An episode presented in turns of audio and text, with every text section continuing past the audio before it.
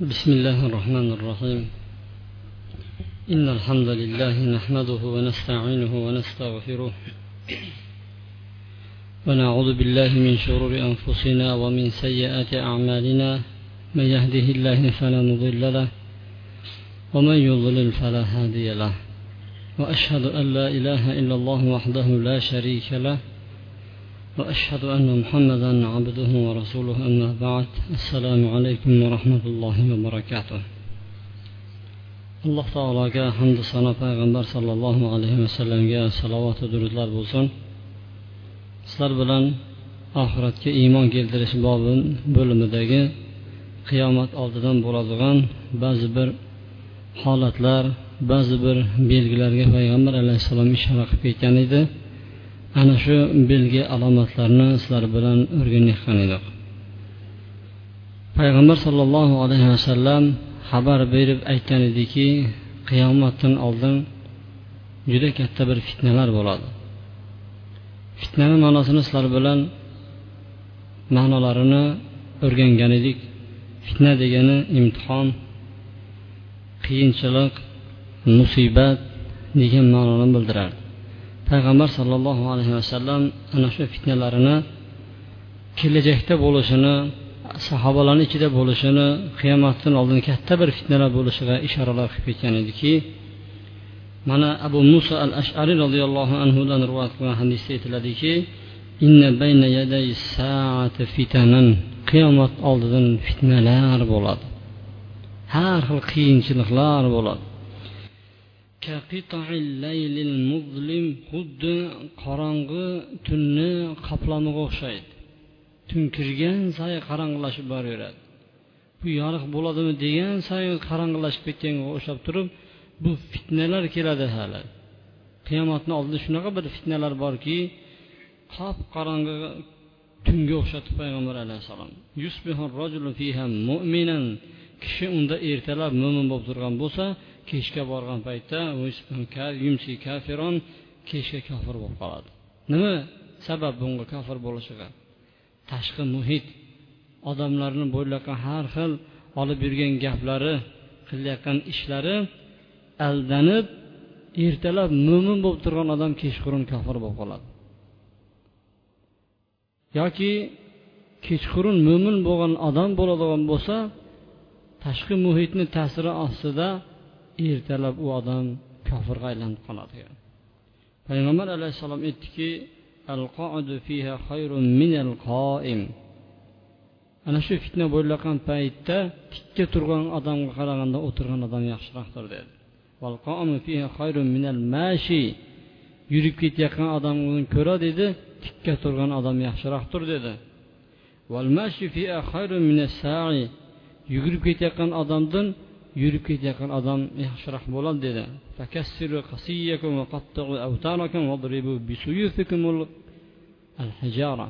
Ana shunaqa paytda yoyingizlarni sindiringizlar iplaring iplarini kesib yuboringlar qilichlaringizni toshga uringlar dedi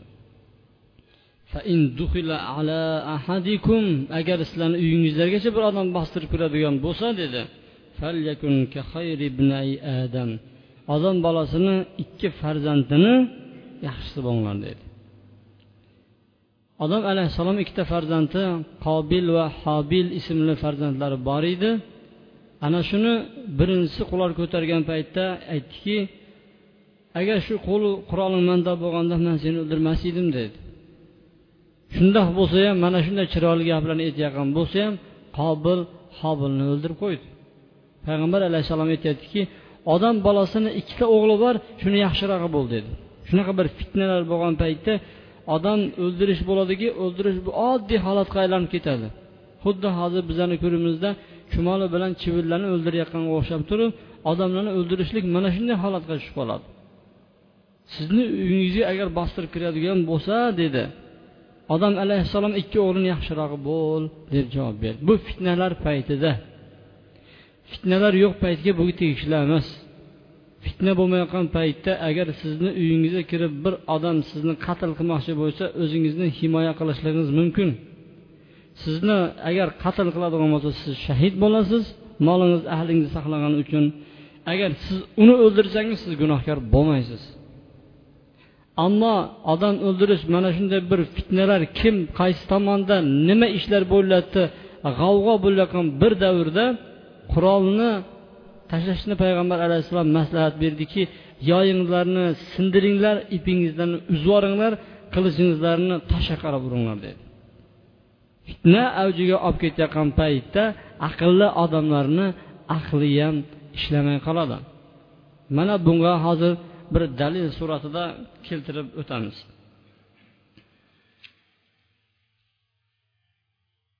Bu fitnalarni payg'ambar sollallohu alayhi vasallam aytib ketgan ediyu lekin fitnalardan panoh so'rashga ham yo'llanma bergan edi besh vaqt namoz o'qiyotgan bo'lsak birodarlar ana shu besh vaqt namozda fitnadan panoh so'raylik payg'ambar alayhissalom اللهم إني أعوذ بك من الفتن ما ظهر منها وما بطن ey olloh ochiq bo'lgan va yashirin bo'lgan fitnalardan o'zing saqlag'in derdi ochiq fitna nima yopiq fitna nima ko'chada yurgan yarim yalang'ochlar bular ochiq fitnalar hisoblanadi.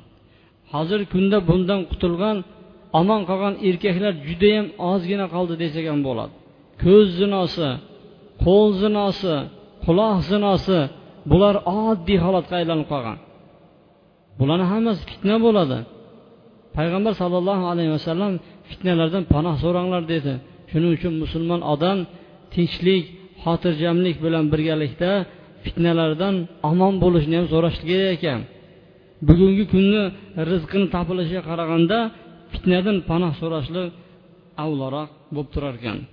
Bu fitnalar qayoqdan boshlanishini payg'ambar sollallohu alayhi vasallam aytdiki bu fitnalar mashriqdan boshlanar ekan. Mashriqni bilasizlarmi qayerligini kun chiqadigan yaponiyami? Yaponiyadan chiqadimi shunday fitnalar? Payg'ambar sollallohu alayhi vasallam aytgan paytda madinani bu tarafi kun chiqadigan tomonni otini mashriq deyiladi bu aytilayotgan hadislar madinada aytilayotgan hadislar edi. Ya'ni payg'ambar alayhissalom aytgan shu iroqning tepasi boshlanadi. Nahr afg'oniston hindiston mongoliya yaponiya mana shu tomonlarni hammasi mashriqqa kiradi. Payg'ambar sollallohu alayhi vasallam ko'p fitnalarni ana shu tomonda bo'lishini mana aytdiki ibn umar roziyallohu anhudan rivoyat qilinadi. Ibn umar payg'ambar alayhissalomni mashriqqa qarab aytayotganini eshitdiki ala inna fil, fil fitnati hahuna? Fitnalar mana mana shu tomonda. Fitnalar mana mana shu tomonda. Ogoh bo'linglar deb turganini ibn umar payg'ambar alayhissalom eshitgan ekanki min haytu yatlau qarnu shayton. Shaytonni shoxi shu tomondan ko'rinadi. Fitnalar shu tomonda aytgan ekan. Imom muslimni rivoyatlarida esa rasul kufri min hahuna kufrni boshi bu tarafda deb mashriqqa qarab turib payg'ambar alayhissalom ishora qilib qo'ygan ekanki ya'ni shaytonni shoxi chiqadigan tarafda deb aytdi. Yana bir hadisda ibn abbos roziyallohu anhudan rivoyat qilinadiki payg'ambar alayhissalom duo qildiki allohimma barik lana fi sa'ina va muddina. Ey olloh bizni bu o'lchovlarimizga so mud degan o'lchovlar bor shularimizga baraka bergin dedi. Shomga ham hamda yamanimizga ham baraka bergin deb duo qildi. Shunda bir kishi turdiki ya rasululloh va fi iroqina. Iroqqa ham baraka bo'lsin degan paytda payg'ambar alayhissalom inna biha qarna shayton. Bu yoqda shaytonni shoxi bor dedi. Tahijul fitan fitnalar qaynab chiqadi dedi. Innal jafa bil mashriq jafo kulfat u mashriqda bo'ladi dedi payg'ambar alayhissalom. Demak payg'ambar sollallohu alayhi vasallam iroqqa mashriqqa duo qilmadi balki u tarafda shaytonni shoxi bor dedi. U tomonda fitnalar qaynab chiqadi dedi. Anchin chiqadi ko'rinadi demadi tahij buloqqa o'xshab turib ketma ket qatlam qatlam qatlam bo'lib chiqib kelaveradi fitnalar u tomonda dedi. İbn hajar asqaloniy aytadiki ha bu fitnalarni hammasi shu tomondan boshlandi kufr so'zlar ham bari shu tomondan boshlandi firqa musulmonlarni bo'lib tashlashlik ham bari shu iroq tomonidan boshlandi. Ya'ni mashriqdan boshlandi. Bu shayton yaxshi ko'radigan shayton quvonadigan ish edi deydi. Mana iroqdan chiqqan toifalar havorijlar ham iroqdan chiqdi. Shiyalar ham iroqdan chiqqan. Rofizalar ham botiniya qadariya jahmiya mutazila degan adashgan toifalar mana iroqdan chiqishgan. Shu bilan birgalikda kufr so'zini aytadigan bidatchilar ham butun bari ana shu mashriq tomondan chiqqan mana majus forslar tomonidan zardushtiya ma'naviya mazdakiya hindusiya buddusiya ya'ni buddistlar va oxiri mana qodiyoniy va bahoiyalar ham mana shu mashriq tomondan chiqib hamma xalqlarni musulmonlarni bo'lib fitnaga solib yurganlar ham mana shu. Hattoki bularni oxiri borib to qiyomatgacha ketaverar ekan ularni oxiri dajjolgacha ulashadi. Bu fitnalarni ya'ni dajjol ham mashriqdan chiqadi yajuj va majuj ham mashriqdan chiqadi. Bu fitnalarni hammasi mana mana shu mashriq tomonlarda ekan. Payg'ambar sollallohu alayhi vasallam ana shu fitnalarni oldini olib turib ashoblarini ogohlantirib aytib ketgan edi. Judayam katta fitnalar bo'ldi. Payg'ambar sollallohu alayhi vasallam vafotlaridan keyin fitnalar avj urib ketdi. Bu fitnalarni eng boshlanishi usmon ibn affon roziyallohu anhuni qatl qilinishi edi. Usmon roziyallohu anhuni musulmonlarni o'zi o'ldirib ketishdi. Fitnalarni boshi musulmonlarni ichida ana shundan boshlangan edi. Umar ibn hattob amirul mo'minin shu fitnalarni oldini olib turadigan bir eshik hisoblanardi.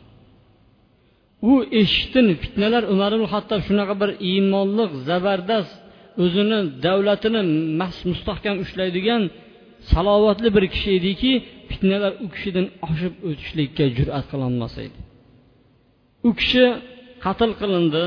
Qatl qilgandan keyin fitnalar islom olamida judayam mavj urib ketdi. Huzayfat ibn yamoniy o'tirgan davrada umar ibn hattob savol qo'ydiki payg'ambar sollallohu alayhi vasallamni fitna haqidagi so'zini kim yodlab beradi? deganda huzayfat ibn yamoniy aytdiki man qanday bo'lsa shunday yodlab beraman dedi. Shu bilan aytdiki innaka lajariyun siz shunga loyiqsiz dedi. Payg'ambar alayhissalom aytgan ediki fitnatur rajuli fi ahlihi va malihi va jarihi tukaffiruha as-salatu was-sadaqatu wal-amru bil ma'ruf wan-nahyu 'anil munkar. Kishini bolasi bilan bola chaqasi bilan oilasi bilan qo'shnisi bilan bo'ladigan imtihonlari fitnalari bo'ladi. Buni namozi sadaqasi amri ma'rufi nahiy munkarlari yeb turadi dedi. Buni ma'nosi nimadir? Hamma uyda janjal bo'ladi. Hamma uyda bolalari bilan kelishmovchilik bo'ladi. Qo'shnilari bilan bordi keldi sal gaplar o'tib ketadi. Bu ham fitna bo'ladi. Bu katta fitna. Hattoki bir odamga aytolmaydigan fitna. Ana shu fitnalarni o'qiyotgan namozlar hamda berilayotgan sadaqalar qilinayotgan amri ma'ruf nahiy munkarlar yub turib tekislab berar ekan. Yo'qotib berar ekan.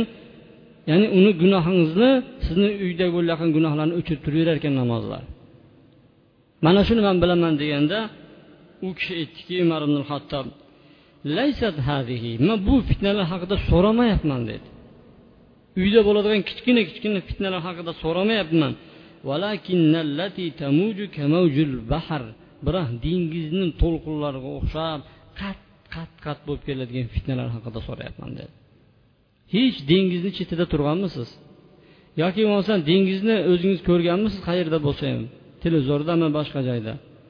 Uni to'lqinlari shundoq keladiki xuddi sizni ham o'zingizni dengizni domini ichiga tortib keladigandek to'lqin keladi. Fitna ana shunaqa bir qatlam qatlam keladigan fitnalar haqida so'rayapman deb aytgan edi. La ba'sa alayka minha. Mayli zarari yo'q uni ham aytib beraveraman dedi. Inna baynaka va baynaha baban mug'laqon siz bilan fitnani o'rtasida bir eshik bor dedi. Bu eshik yopilib turibdi deb umar ibn hattobga aytdi. Bu hadisni shu yerda qo'yamiz tag'in huzayfat ibn yamoniyni kimligini sizlarga bir tanishtirib o'tamiz. Hammangizlarga ma'lum bo'lishligi uchun. Huzayfat ibn yamoniy payg'ambar alayhissalomni sirdoshlari edi payg'ambar alayhissalomda qanday sir bo'ladigan bo'lsa barini aytib berardi shu kishiga tayinlab ketardi nima bo'ladi? Hattoki payg'ambar alayhissalom bir kuni vaz qildi. Bomdod namozidan boshlab tag'in to qiyomatgacha bo'ladigan hamma ishni aytib berdi. Nimalar bo'lishini bir chetdan aytdi. Peshinni o'qidi minbarga chiqib boshladi. Asrni o'qidi yana boshladi. To kechgacha qiyomatgacha bo'ladigan narsalarni hammasini xabarini berdi. Buni ustiga umar e, huzayfat ibn yamoniy payg'ambar alayhissalomni sirdoshlari edi. Nima sir asror maxfiy ishlar bo'ladigan bo'lsa aytilishligi kerak bo'lgan hammasini huzayfa ibn yamoniga topshirib ketgan edi aytib ketgan edi. Fitnalarni ham shu kishiga aytib ketgan edi. Kim munofiq kim qanaqa o'ladi kimdan mandan keyin nima ishlar bo'lishini huzayfa ibn yamoniga payg'ambar alayhissalom barini o'rgatib ketganligi uchun umar ibn hattob bu kishidan so'rayapti. Ya'ni fitnalarni aytib beraymi? Mayli aytib beraman. Bu fitnalar bilan sizni o'rtangizda bir eshik bor dedi. Bu eshikki u yopilgan eshik dedi. Shunda umar ibn hattob savol berdiki yuftahul bab av yuksar bu eshik ochilarmikin ye sindiriladimi degan paytda huzayfat ibn yamon aytdiki yo'q dedi. Bu eshik yopilma ochilmaydi dedi. Bu eshik sindirilib ochiladi dedi. O'zini eshigi bilan ochilmaydi bu eshik sindirilib ochiladi. Dedi shunda aytdiki ha demak yopilmas ekanda deb qo'ydi umar hattob demak yopilmas ekanda endi bu sindirilgan eshik dedi. Shunda bu gapni tobiiylarga aytib bergan paytda bab eshik ma'lummidi? dedi. Ya'ni eshik ma'lummidi degani umar hattob shu aytilayotgan gapni bilarmidi? dedi. Ha bilar dedi. Eshik o'zi ekanligini o'zi sindirilishligini yaxshi bilardi. Xuddi bugungi kechadan keyin ertangi kun kelishligi aniq bo'lganga o'xshab turib umar hattob fitnalarni oldida o'zi eshikligini bu eshik anchin o'lim bilan emas balki o'ldirilib ketishlik sindirilishlik bilan fitnalar bu islom oromiga taralib ketishligini umar ibn hattob judayam yaxshi bilardi. Mana shundan keyin fitnalar boshlandi. Usmon roziyallohu anhuni davriga bu fitnalar to'g'ri keldi. Usmon roziyallohu anhu o'zini davlatini bu islom olamini judayam adolat bilan boshqardiyu lekin o'rtadagi o'zini qalbida islomni berkitib yurgan zindiq munofiqlarga gal keldi. Endi bu islom olamini adashtirishlik uchun ularni davri boshlandi. Yamanlik o'zi tegi sano shahridan bo'lgan abdulloh ibn saba ismli yahudiy fitnalarini boshladi. Xuddi xristian dinini nasroniylarni dinini ham o'zgartirgan yahudiylar islom dinini ham fitnaga solishlik uchun bel bog'ladi. Bunga ular abdulloh ibn saba degan kishini tayinlashgan edi. Abdulloh ibn saba yaman shahridan o'zini islom ismi bilan kelib turib o'zini jon kuyarligini qilib aytdiki bu ali roziyallohu anhu dedi. Har bir payg'ambarni vasiyati bo'ladi dedi. Payg'ambar sollallohu alayhi vasallam ali roziyallohu anhu vasiyat qilib ketgan edi. Bu kishi xalifa bo'lishi kerak edi dedi. Nega boshqa odamlar bo'ladi? Payg'ambar alayhissalom eng oxirgi payg'ambar bo'lsa undan keyin payg'ambar chiqmaydi. Va payg'ambar alayhissalom vasiyatlari ali roziyallohu anhu bo'lsa bu kishi xalifa bo'lishi kerak deb turib odamlarni ichida fitna qo'zg'aydi. Madina shahriga keladi madina shahrida uni quvib yuborishadi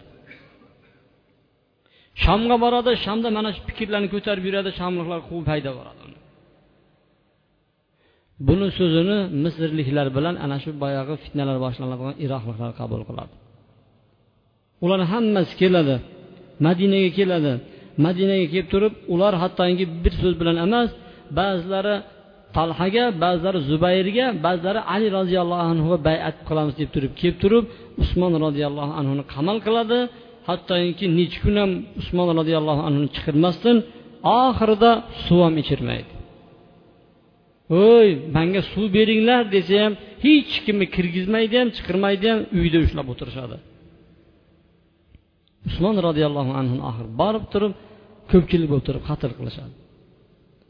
Qatl qilgandan keyin u fitnachilar aytadiki biz shu bo'yicha tashlab ketmaymiz endi deb ali roziyallohu anhuni chaqirib siz xalifa bo'lishingiz kerak keyin qo'lingizni bering deydi.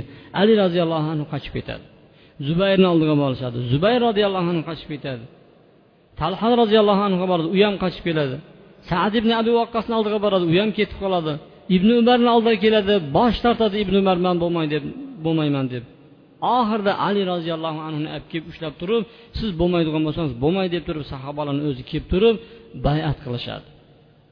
Bayat qilib turib ali roziyallohu anhu xalifa bo'lib tayinlanadi. Ishini boshlaydi lekin hamma sahobalar ham u kishiga bayat qilmaydi. Ya'ni bo'ysunishni uni qo'l ostiga kirmaydi ikkilanib turishadi. Ba'zilar shu paytda fitnalar bo'layotgan paytda payg'ambar alayhissalomni ayollari hammasi hajga chiqib ketishgan edi. Bu bayat bo'ldi tag'in talha bilan zubayr roziyallohu anhu chiqib ketadi ular ham umraga. Ali roziyallohu anhuni o'zi qoladi. Ular hammasi bir biriga juda juda yaqin qarindoshlar. Ular chiqib ketib oysha roziyallohu anhuga bo'lgan gaplarni aytgandan keyin usmon roziyallohu anhuni o'ldirgan odamlarni endi qasdini olmaymizmi deydi. Shu bo'yicha qolib ketaveradimi? Deb turib buni talab qilishimiz kerak. Kimdan talab qiladi? Xalifadan talab qiladi. Shu bilan ali roziyallohu anhuga borib turib aytishadi. Shuni qani bizlarga olib bering deydigan bo'lsa man uni talab qilmayman deydi. Usmon roziyallohu anhuni egalari valiylari kimdir qarindoshlari shular kelib turib manga hukmni ko'taradigan bo'lsa o'ldirgan odamni tayinligini olib kelib beradigan bo'lsa man uni jazosini olaman deydi. Buni kechiktirib yuraveradi. Agar hozir ulardan o'ch oladigan bo'lsam ular katta bir jamoat. Fustotdan iroqdan basra kufa hamma joylardan misrlardan yig'ilib kelishgan fitnachilarni jamoati edi. Hozir bular bilan agar usmon roziyallohu anhuni uchun oladigan bo'lsa katta bir qon to'kilishga sabab bo'ladi. Manga olib kelinglar qani usmonni qarindoshlari kesin tagin falon odam o'ldirdim desin man ulardan qasdimni olaman deb ali roziyallohu anhu kechiktiradigan bo'lsa ularga judayam gap topiladi boyagi fitnachilarga. Mana alini o'zi usmonni o'ldirgan shuncha o'ldirgan odamlarni izlamayapti deydi. Bu orada ali roziyallohu anhu hamma yoqqa odam jo'natadi hammasi ali roziyallohu anhu bo'ysunadi faqatgina shomliqlar bo'ysunmaydi muaviya roziyallohu anhu. Bo'ysunmagandan keyin ularga askar tortib ketayotgan paytda oysha onamizni buyoqdan zo'rlab olib borishadi. Shu usmon roziyallohu anhuni o'ldirgan odamni topib bersin deb turib shuni talab qilaylik deb turib sahobalar olib boradi. Yo'lda ketayotgan paytda bir suv chiqadi. Bu qanaqa suv desa havdab deydi. Havdab degan joyda itlar huriydi. Oysha roziyallohu anhu aytadiki man qaytdim deydi.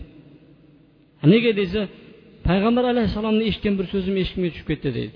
Sizlarni bittangizlar havdab degan joyga borgan paytda itlar hurganda nima bo'larkin degan gapi bor edi. Ayollarni ichida bir kun aytgan ekan payg'ambar alayhissalom sizlarni bittangizlar havdab degan joyga boradi. Shu paytda itlar huriganda uni holi nima kecharkin deb turib aytib ketgan edi. Man qaytaman dedim. Man bo'lmaydi deganda u siz bormasangiz bo'lmaydi. Katta bir jang chiqib ketay deyapti ikkalarini o'rtasini isloh qilib qo'ying deb zo'rlab olib boradi. Zo'rlab olib borgandan keyin boyagi maslahat bilan to'xtaydi lekin tunda fitnachilar bir biriga o'q uzishib o'rtalarida jang bo'lib turib juda katta o'limlar sahobalarni o'rtasida juda katta fitnalar boshlanib ketadi. Hattoki oysha roziyallohu anhuni havdaj deydi tuyasida turgan joygacha yugurib kelib turib oysha onamizni o'ldiradigan darajaga kelgan paytda ali roziyallohu anhuni borib o'zi to'xtatib qoladi. Tinchmisiz omonmisiz deb. Buni payg'ambar alayhissalom u oldiroqdan aytib ketgan edi. Ey ali siz bilan oyishani o'rtasida bir ish bo'ladi degan paytda man bilanmi yo rasululloh deganda siz bilan deydi. Man shunda nohaq bo'lamanmi deganda yo'q siz haqda bo'lasiz. Biroq oyishaga bir tinchlik o'rniga qaytarib qo'ying deb aytib qo'ygan bo'ladi. Sahobalar birontasini xohishi bilan emas haligi o'rtada fitnachilar tunda shunday bir fitnani qo'zg'ab yuboradi tag'in. Sahobalar o'rtasida jang bo'lib ketadi. Judayam ko'plagan xalqlar vafot etadi shunda. Ana undan keyin muaviya roziyallohu anhu bilan ali roziyallohu anhu bitta davo bilan kelishadi. Payg'ambar alayhissalom aytgan ediki qiyomat soati bo'lmasin turib dedi. Ikkita katta toifa dedi bir biri bilan urushadi dedi. Ikkalasini davolari bir deydi. Ali roziyallohu anhu bilan muaviya roziyallohu anhu o'rtasida katta bir siffin degan joyda jang bo'ladi. O'zlarini xohlamagan edi faqat sulhga borishgan edi ikkalasi kelishish uchun borishgan edi. Lekin fitnachilar o'rtada jangni boshlab oladi tag'in yetmish ming odam o'ladi. Payg'ambar alayhissalom bir kuni madinani tomiga chiqib aytgan ediki sizlar ham man ko'rayotgan narsani ko'ryapsizlarmi? degan edi. Yo'q bizlar ko'rmayapmiz degan paytda xuddi qop qora bulutlar kelib turib yomg'ir yog'dirib ketayotganga o'xshab turib sizlarni uyingizlarga fitnalar kirib kelayotganini man ko'ryapman degan edi. Yomg'ir yog'adigan bo'lsa tekis birdak yog'ib o'tib ketadi. Bu fitnalardan omon qoladigan kishilar judayam oz bo'ladi. Payg'ambar alayhissalom mana shu xabarlarni aytib ketgan edi biron bir odam qolmadiki fitnalarga uchramagan. Faqatgina huzayfat ibn yamoniy hamda shunga o'xshash umar ibn umarlar bu fitnalarni bo'ylayotgan paytda hammasi qochib taqqa chiqib ketishgan ekan. Payg'ambar alayhissalom nasihatlanib turib hattoki zubayr roziyallohu anhuga ham payg'ambar alayhissalom o'zi aytgan ekanki siz ali bilan urushasiz. Shunda aliga siz zulm qilib qo'ymang deb aytgan ekan. Shu jang bo'layotgan paytda zubayrni oldiga borib turib ey zubayr deydi. Payg'ambar alayhissalom ikkalamizga aytmaganmidi? Siz ali bilan urushasiz. Sizlar zolim bo'lasizlar deb aytmaganmidi degan paytda zubayr roziyallohu anhu yig'lab qaytib ketadi. Bu hadisni man xuddi endi eshitib turganda esim chiqib ketibdi deydi. Ikkinchi siffin jangida esa payg'ambar alayhissalom aytgan ediki shunday bir jang bo'ladi. Ey ammor siz shu jangda vafot etasiz. Sizni o'ldirayotgan jamoat zolim bo'ladi degan edi. Haqni ustida bo'lmaydi degan edi. Shunda muaviya roziyallohu anhu bilan ali roziyallohu anhu o'rtasida bo'lgan jangda ammor ibn yasir vafot etadi. Ammor ibn yasir vafot etgandan keyin u kishi ali roziyallohu anhu tomonida edi musulmonlar sergak tutib qoladi. Ali roziyallohu anhu tomoniga o'tishadi. Oxirida sulh tuzishmoqchi bo'ladi. Sulh tuzishlik uchun ikkita odam tayinlanadi. Moviya roziyallohu anhu tomonidan sahobalardan amir ibn os va ali roziyallohu anhu tomonidan esa abu muso al ashariy hakam bo'ladi. Mana mana shu ikkalasi musulmonlar o'rtasida hukm qiladi. Nima deyilsa shu deydi. Rozimiz desa ikkala tomon ham rozimiz deydi. Ikkalasi kelishadiki kel deydi ikkalasini ham olib tashlayiq deydi ali ham bo'lmaydi boshliq moviya ham bo'lmaydi. Boshqasini saylaymiz deydida keyin ikkalasi chiqishadi. Hukmni ikkalasiga topshirib hamma rozi bo'ladi. Rozi bo'lgandan keyin amir ibn as aytadiki abu muso al ashariga siz birinchi gapiring deydi. Chiqib allohga ham payg'ambar alayhissalom salovat deb turib mana man o'zimni sohibimni ali roziyallohu anhuni bo'shatdim man yechib yubordim xalifalikdan deydi. Amir ibn ham chiqib shu gapni aytish kerak edi. Mana bu yechib man qoldirdim bizaniki boshliq deydi. Ikkalasi kelishib olgan bo'lgan ish boyagi joyda bo'lmaydi. Yana sulh bo'lmaydi tag'in qaytib ketishadi orqaga. Qaytib ketayotgan paytda sakkiz ming odam ali roziyallohu anhuni toifasidan ya'ni jamoasidan chiqib ketadi. San mushriksan deydi ali roziyallohu anhu qarab turib. Chunki hukmni deydi san odamlarga topshirding ollohni kitobi bilan san hukm qilmading deydi. Ollohni kitobi bilan hukm qilishingizni ikkita odamga topshirib qo'ydingiz. San hukmni bashar insonga topshirib qo'ydi san mushriksan san ollohni nozil qilgan narsa bilan hukm qilmading deydi keyin chiqib ketishadi. Sakkiz ming bir rivoyatda o'n olti ming odam chiqib ketdi deydi. Ularni otini shu kundan boshlab turib havorijlar deyiladi. Shu turgan makonni o'zi harura deb aytalardi. Chiqib ketgandan keyin ibn abbosni yuboradi. Ibn abbos ular bilan dalillashtirib biroz qaytadi lekin biroz qaytmaydi. Shu bo'yicha ular basraga boradi. Basraga borib turib u yoqni ali roziyallohu anhu poytaxt qiladi. Poytaxt qilgandan keyin ularga aytadiki mayli sizlarga dedi uch narsa man tomondan deydi. Birinchisi masjidga kelaverasizlar qaytarmaymiz. Ikkinchisi tushgan o'ljalardan sizlarga ham ulushingizlarni olaverasizlar uchinchisi sizlarga qarshi biz jang qilmaymiz. O'zingizlar bir narsa qilmaguncha deydi. Ular alohida yashardi. Shunda sahobalarni o'g'li abdulloh ibn habbob ibn arad ayoli bilan o'tib ketayotgan paytda ushlashdagin erini o'ldirdagin ayolini qornini yorib ichidagi bolasini olgandan keyin ali roziyallohu anhu ularga qarshi jang qildi. Jang qilib turib ularni maydalab parchalab tashladi. Ularni faqatgina ozgina qoldi. Payg'ambar alayhissalom bularni hammasini xabarini aytib ketgan edi. Shunday bir jamoa chiqadi qiyomat bo'lmasdan oldin musulmonlar ichidan bir firqa chiqib turib dinda shunday chiqib ketadiki kamolni ichidan u qanday uzilib chiqib ketgan bo'lsa dinda shunday chiqib ketadi. Kim ular bilan urushadigan bo'lsa qiyomatgacha savob bo'ladi deb payg'ambar alayhissalom aytib ketgan edi. Mana shu jamoatlar chiqdi. Bu jamoatlar ham hozirgacha odamlarni ichida bor. Bularni belgilari musulmonlarni yomon ko'radi tashqaridagi kofirlarni yomon ko'rmaydi. Ularni belgilari musulmonlarni o'zini yomon ko'radi. Kofirlarga ishlatilgan hukmlarni musulmonlarga. Musulmonlarni ichida parsatish kerak musulmonlarni o'ldirish kerak musulmonlar unaqa musulmonlar bunaqa. Bular musulmon emas deydigan jamoatlar edi. Ularni otini havorijlar deydi. Ana shu kundan boshlab turib mana yer yuzida havorij deganlar taraldi va hozirgi kunimizgacha ana shu havorijlar g'ilminglab oralarimizda kelyapti. Ularni davolari judayam ko'p bittasi qo'l kesish kerak degan bo'lsa qo'ltig'i bilan kesish kerak deyishdi. Amri ma'ruf nahiy munkarni tashlagan odamni kofir deyishdi. Bitta gunoh qilmaydigan bo'lsa bo'ldi bu ham kofir deyishdi. Mana shunga o'xshagan davolar bilan chiqib yer yuzida bir fasod fitnalarni qo'zg'atdi. Alhamdulillah kim bizlar unaqa fitnalarni ichida hozir shu kunda yashamayapmiz janglarni ichida urush uylar buzilgan to'polonlar ustimizdan bombalar yog'ilayotgan bir davrda yashamayapmiz alhamdulillah. Ko'rayotgan bo'lsangizlar kerak televizorlarda ko'rmayapsizlarmi tinchlik yo'q. Bir kunda yuzlab minglab odamlar o'lib ketyapti. Kim kimni o'ldiryapti? Qayerdan chiqyapti bu o'q bilinayotgani yo'q. Bu shukur qilinadigan tinchlik o'rni bo'lgandan keyin ibodatni shukurini ado qilishimiz kerak. Va alloh subhanava taolodan ana shunday bir fitnalar ham bizani yurtlarimizga bir o'rmalab kelishidan panoh so'rashimiz kerak.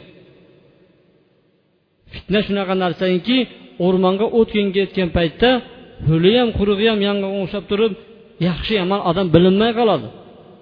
Kim nima qilayotganini bilmay qoladi. Shuning uchun bunday fitnalardan alloh subhanava taolo o'zi saqlagan bo'lsin.